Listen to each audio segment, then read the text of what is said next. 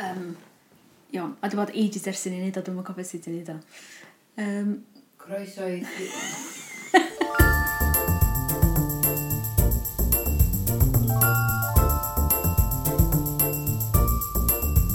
uh, helo, a uh, chroeso i glwb Darllen gybolfa, efo fi Becky. A fi Lori. Mae wedi bod oes ers i ni'n neud podcast, achos dyn ni wedi cael gwyliau'r haf ar gamgymeriad um, achos bod fi wedi colli ffeils y recordiad dwytha. Um, ond da ni'n ôl a da ni'n siarad heddiw am pryd gan llir Titus. Mm. Nethon ni byth ffeindio allan sut i ddweud enw fo'n iawn. Na. Titus, dwi'n cymryd. A Salem gan Haf Llywelyn. Um, so nhw'n ni gychwyn hefo pridd. Iawn. Ie? Yeah? Um, so, llyfr gan llyr sydd newydd ennill um, llyfr y flwyddyn, mae o'n dilyn henwr sydd yn ffarmwr um, am flwyddyn gyfan o'r haf at yr haf nesa a da ni'n gweld um, golygfeidd o'i orffennol o, o'r pobl mae wedi colli, a sut mae wedi cyrraedd lle mae o rwan. So, be ydych chi'n meddwl amdano fo, Lowri? Yna rhywbeth o'ch chi'n rili hoffi amdano fo? O'n i licio y ffordd oedd na pedwar y penod, ac oedd y pedwar y penod i bob tymor o'r flwyddyn ac oedd y stori yn gweddu efo'r tymhora ac oedd y fatha cycle bywyd lle oedd chdi'n gallu teimlo'r newid yn y tywydd, yn y natur, yn yr amgylchfyd a wedyn oedd y stori'n kind of newid i fynd efo hynna. Dyna oedd peth fatha hoff i amdano fo hefyd. Dwi wrth y modd yn darllen am natur a'r tymhora beth bynnag. Um, a dwi'n meddwl bod ffordd diddorol o tod, dangos a year in a life o'r cymeriad, y prif cymeriad, yr hen wr. Be o'ch ti'n meddwl amdano fo? Um, dwi'n meddwl oedd o'n ddyn o'i amser mm. fatha um, oedd o'n ddi, fatha, ti'n gwybod, fatha estalwm pam o dynion, y rôl tyraddodiadol na, lle mae merched yn cael ei gweld yn emosiynol, a mae dynion yn ddim yn cael ei gweld yn emosiynol. A wedyn, um, dwi'n meddwl oedd o wedi cael traffardd dangos i emosiwn pam nath um, i'w raig o colli plentyn. A um, dwi'n meddwl bod hynna achos o'r cyfnod mae'n dod o. Dwi'n gytuno. Mae o bron o fod yn cymeriad ystrydebol o beth ni'n disgwyl o hyn ddyn neu hyn ffarmwr sydd wedi byw bywyd calad, ond mae o hefyd yn gorfod neu'n teimlo bod o'n gorfod bod yn galad, a ddim yn emosiynol, ddim dangos y ffordd mae'n teimlo, ond bod y llyfr yma'n dangos ydyn yr effaith negyddol mae bod fel la yn gael ar rywun. Um, a faint o unig ydi o, a faint o diffyg dim bod o ddim yn gallu teimlo, mae'n amlwg yn teimlo pethau, ond ddim yn gallu mynegu hynna mewn unrhyw ffordd, ar ôl bod mm. ar ben ei hun, pwy mae'n mynegu fo hefo, da. Mae yna darn arall yn y llyfr, ti'n lle mae, mae o'n sôn Dwi'n meddwl os ydy colli ffrind ar rwy'n, mae ffrind ydy, ydy lladd ei hun, um, yn ifanc, a mae yna awgrym, to, na dim jyst i wraig, mae ydy colli yn amlwg, mae ydy colli plentyn hefyd, a mae yna sôn am ryw ffrind neu rhywun hefyd, mae'n cael braidd amdano fo, yn cysanu fo yn y capal. Dwi'n cofio hynna. A wedyn, mae'n lladd ei hun, ac yn meddwl... Ar un... Dwi'n cofio rhywun yn lladd ei hun, ia. Yeah. Um, a wedyn, mae'n sôn am yr... Um, y gair gwael a ffordd mae rhywun yn disgrifio rhywun yn bod yn wael, dwi'n meddwl mm. bod rhywun yn sal hefo to rhywbeth, um, fatha poen yn bol neu hyd yn oed mm. cancer mm. neu rhywbeth, ond gwael a be mae sôn am ydy iechyd meddwl de ac iselder a felly a wedyn mae hynna yn, mae o'n sôn am hynna yn yr un olygfa pan mae o'n trio trwsio'r ffens dwi'n meddwl lle mae'r um, mm. dafad neu un o'r um, wyn di mynd yn sownd yn efo a'r ffordd mae o'n trio patcho'r ffens yna i fyny yn yr un ffordd mae o'n trio kind llenwi'r twll neu'r mm. gwagla sydd um, yn fo. Oedd y sgwennu yn really lovely, fatha yn brydferth. O'ch di'n meddwl?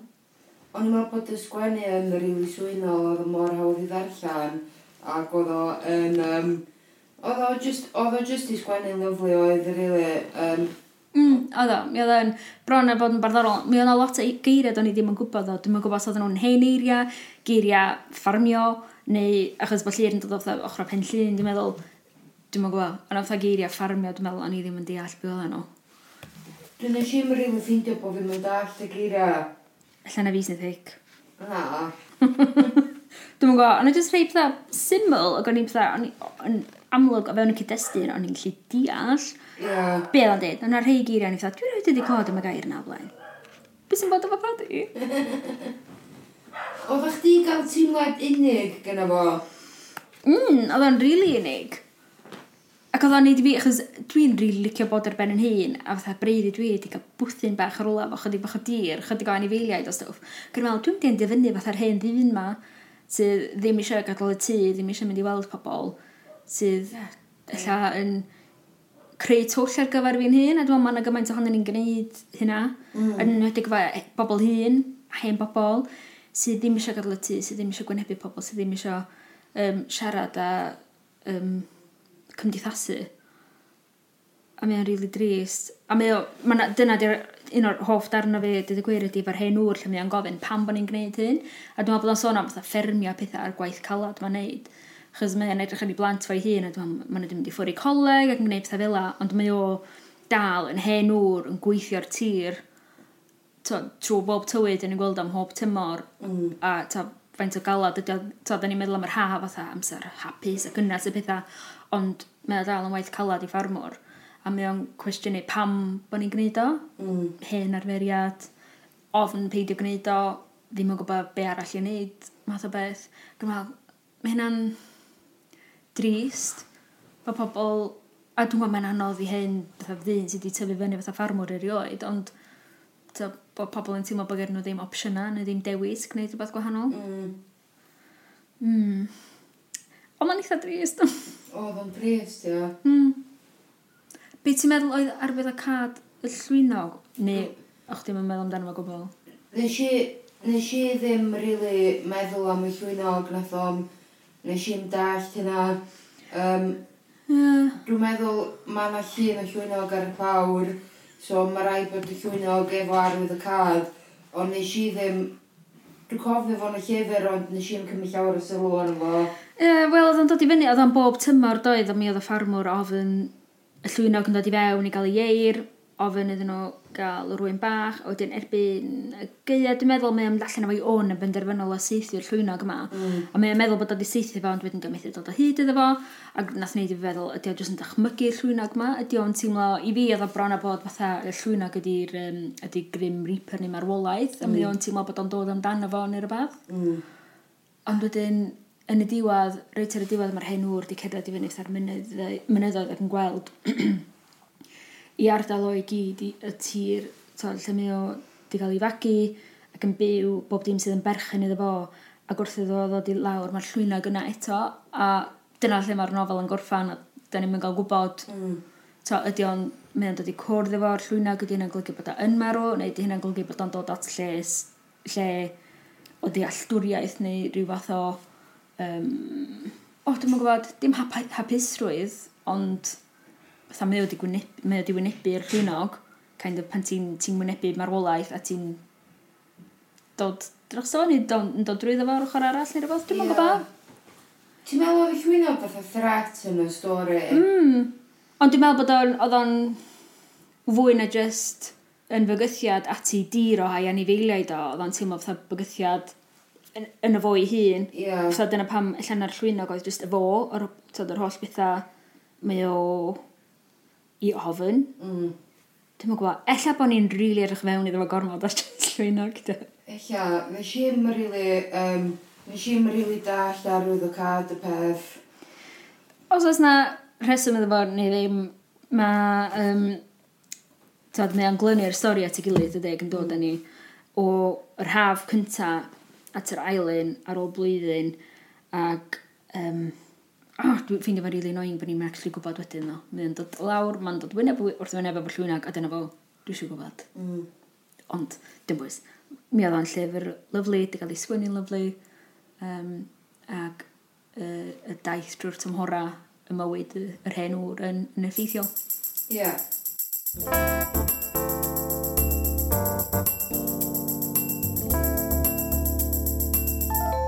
So, gathen ni ddim cyfle i siarad am Salem, Um, Wel, mi wnaethon ni recordio penod i siarad am Salem, ond wedyn, neth, wel, nes i golli'r ffeils i gyd a nath um, cyfrifiadur fi gael um, pod a dileu bob dim. So, da ni'n mynd i siarad am Salem heddiw. A mi oedd chdi'n rili licio Salem, mi o'n i hefyd, ond dwi'n meddwl bod fi'n disryglau gofio rwan achos bod wedi bod mor hir. So, mm, beth yw'r cymeriadau eto? Da ni'n edrych ar um, 1908 yn ôl um, yn ardudwy pan nath Fosber peintio llun enwog um, Salem efo'r hyn ynas, efo'r diafol um, yn ei chôl a wedyn da ni yn y presennol hefyd efo mm. Ceria Beca dyna di'r mam a'r ferch meddwl Mae nhw mewn ffordd yn disgynyddion o rhai o'r cymeriadau sydd yn y gorffennol mm. sy'n cael eu cyffwrdd gan y cyfnod yma lle mae Fosber yn, yn cymryd llun yn, yn Capel Salem a da ni'n gweld y cyferbyniadau rhwng y cymeriadau yn y ddau oes. So, um, ia, yeah, be oeddech chi'n meddwl amdano fo? Be oeddech chi'n hoffi amdano fo?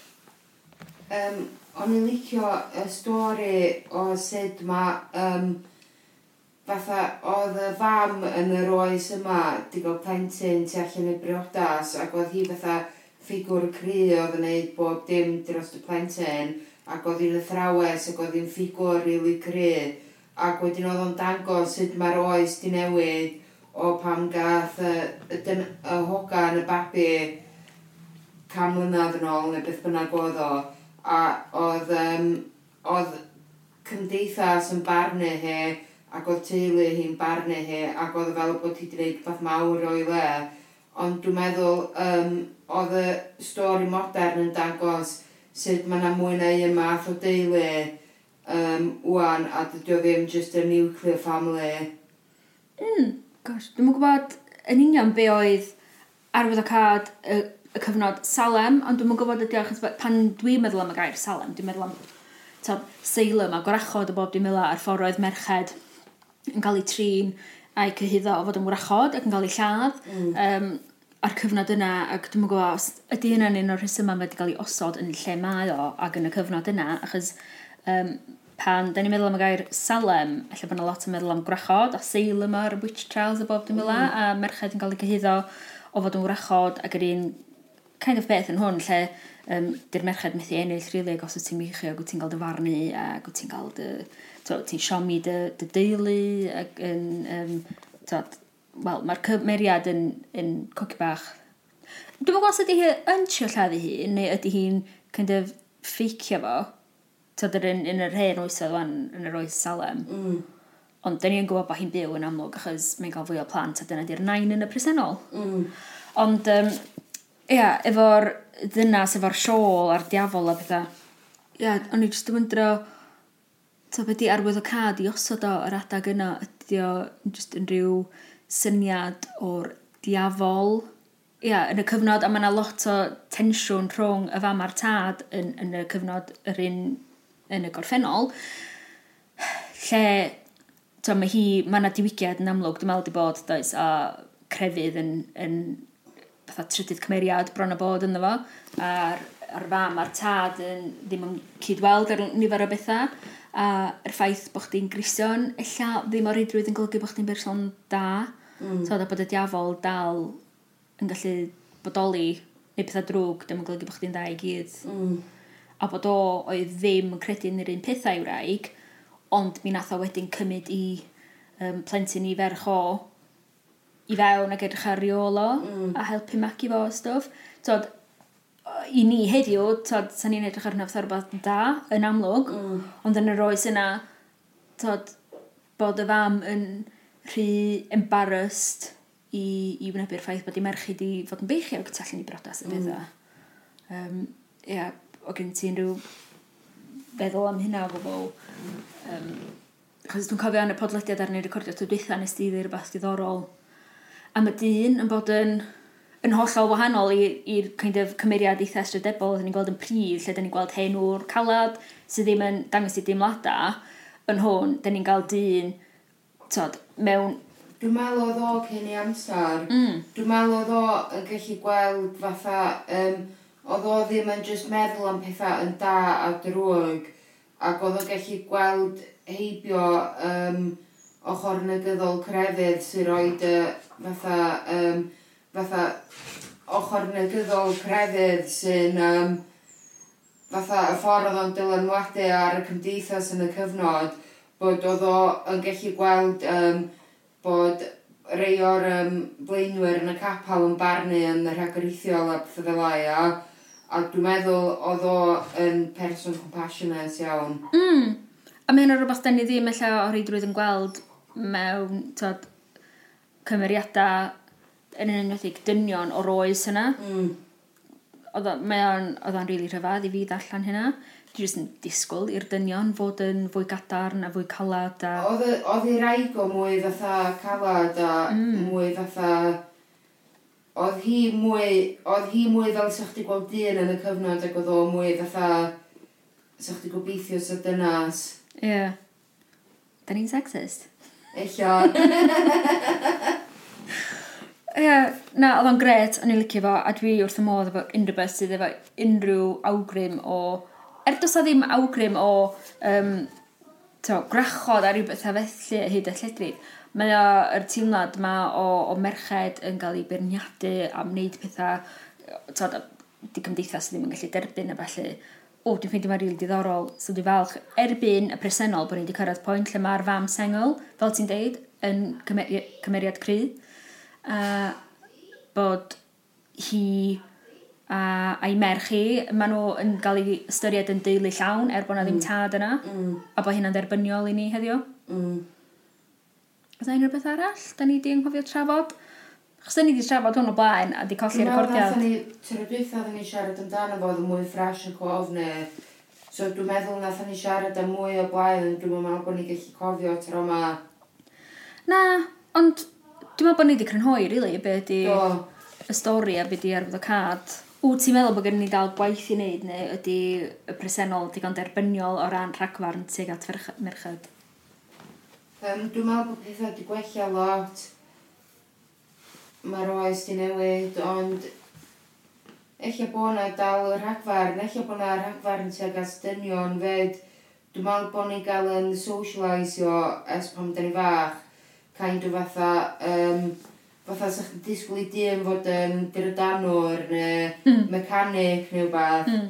A wedyn sa'ch chi'n disgwyl i hogan fod yn hairdresser dwi'n meddwl da ni dal yn gael y gender roles yma, gyda chdi babi ac hen a pethau fel o. Yeah. So dwi'n meddwl da ni dal yn gael y gender roles, ond dwi'n meddwl bod pethau yn well na oedden nhw. Nes ti fynd i weld babi? Na, nes ti? Do. Nes i gwybod bod o'n dda. Nes i fynd i weld o blwy waith. Do. Na ni ddim yn dda. O'n i weld o'n wych. Ia. Oedd a dwi really, really, swn i wrth modd yn cael mynd i'r set yna jyst i weld y babi world. Dwi'n dal, dwi dal yn y Dwi'n dal wedi gweld o, chos eich yn mynd weld o... Posib, sti. Mi oedd o mor boblogaeth. Dwi'n meddwl, dwi roed wedi gweld ffilm yn cael ei ddangos mor aml mewn cinema. Mm. So, mae oedd ymlaen lot yn galeri, ac eisiau fyny cell B yn blaenau hefyd i weld o. Mm. Oedd o ymlaen yn aml, ac um, tas o'ch ti'n cael cyfle, swn i'n dweud, dos i weld o. Ia. Yeah. Mhm.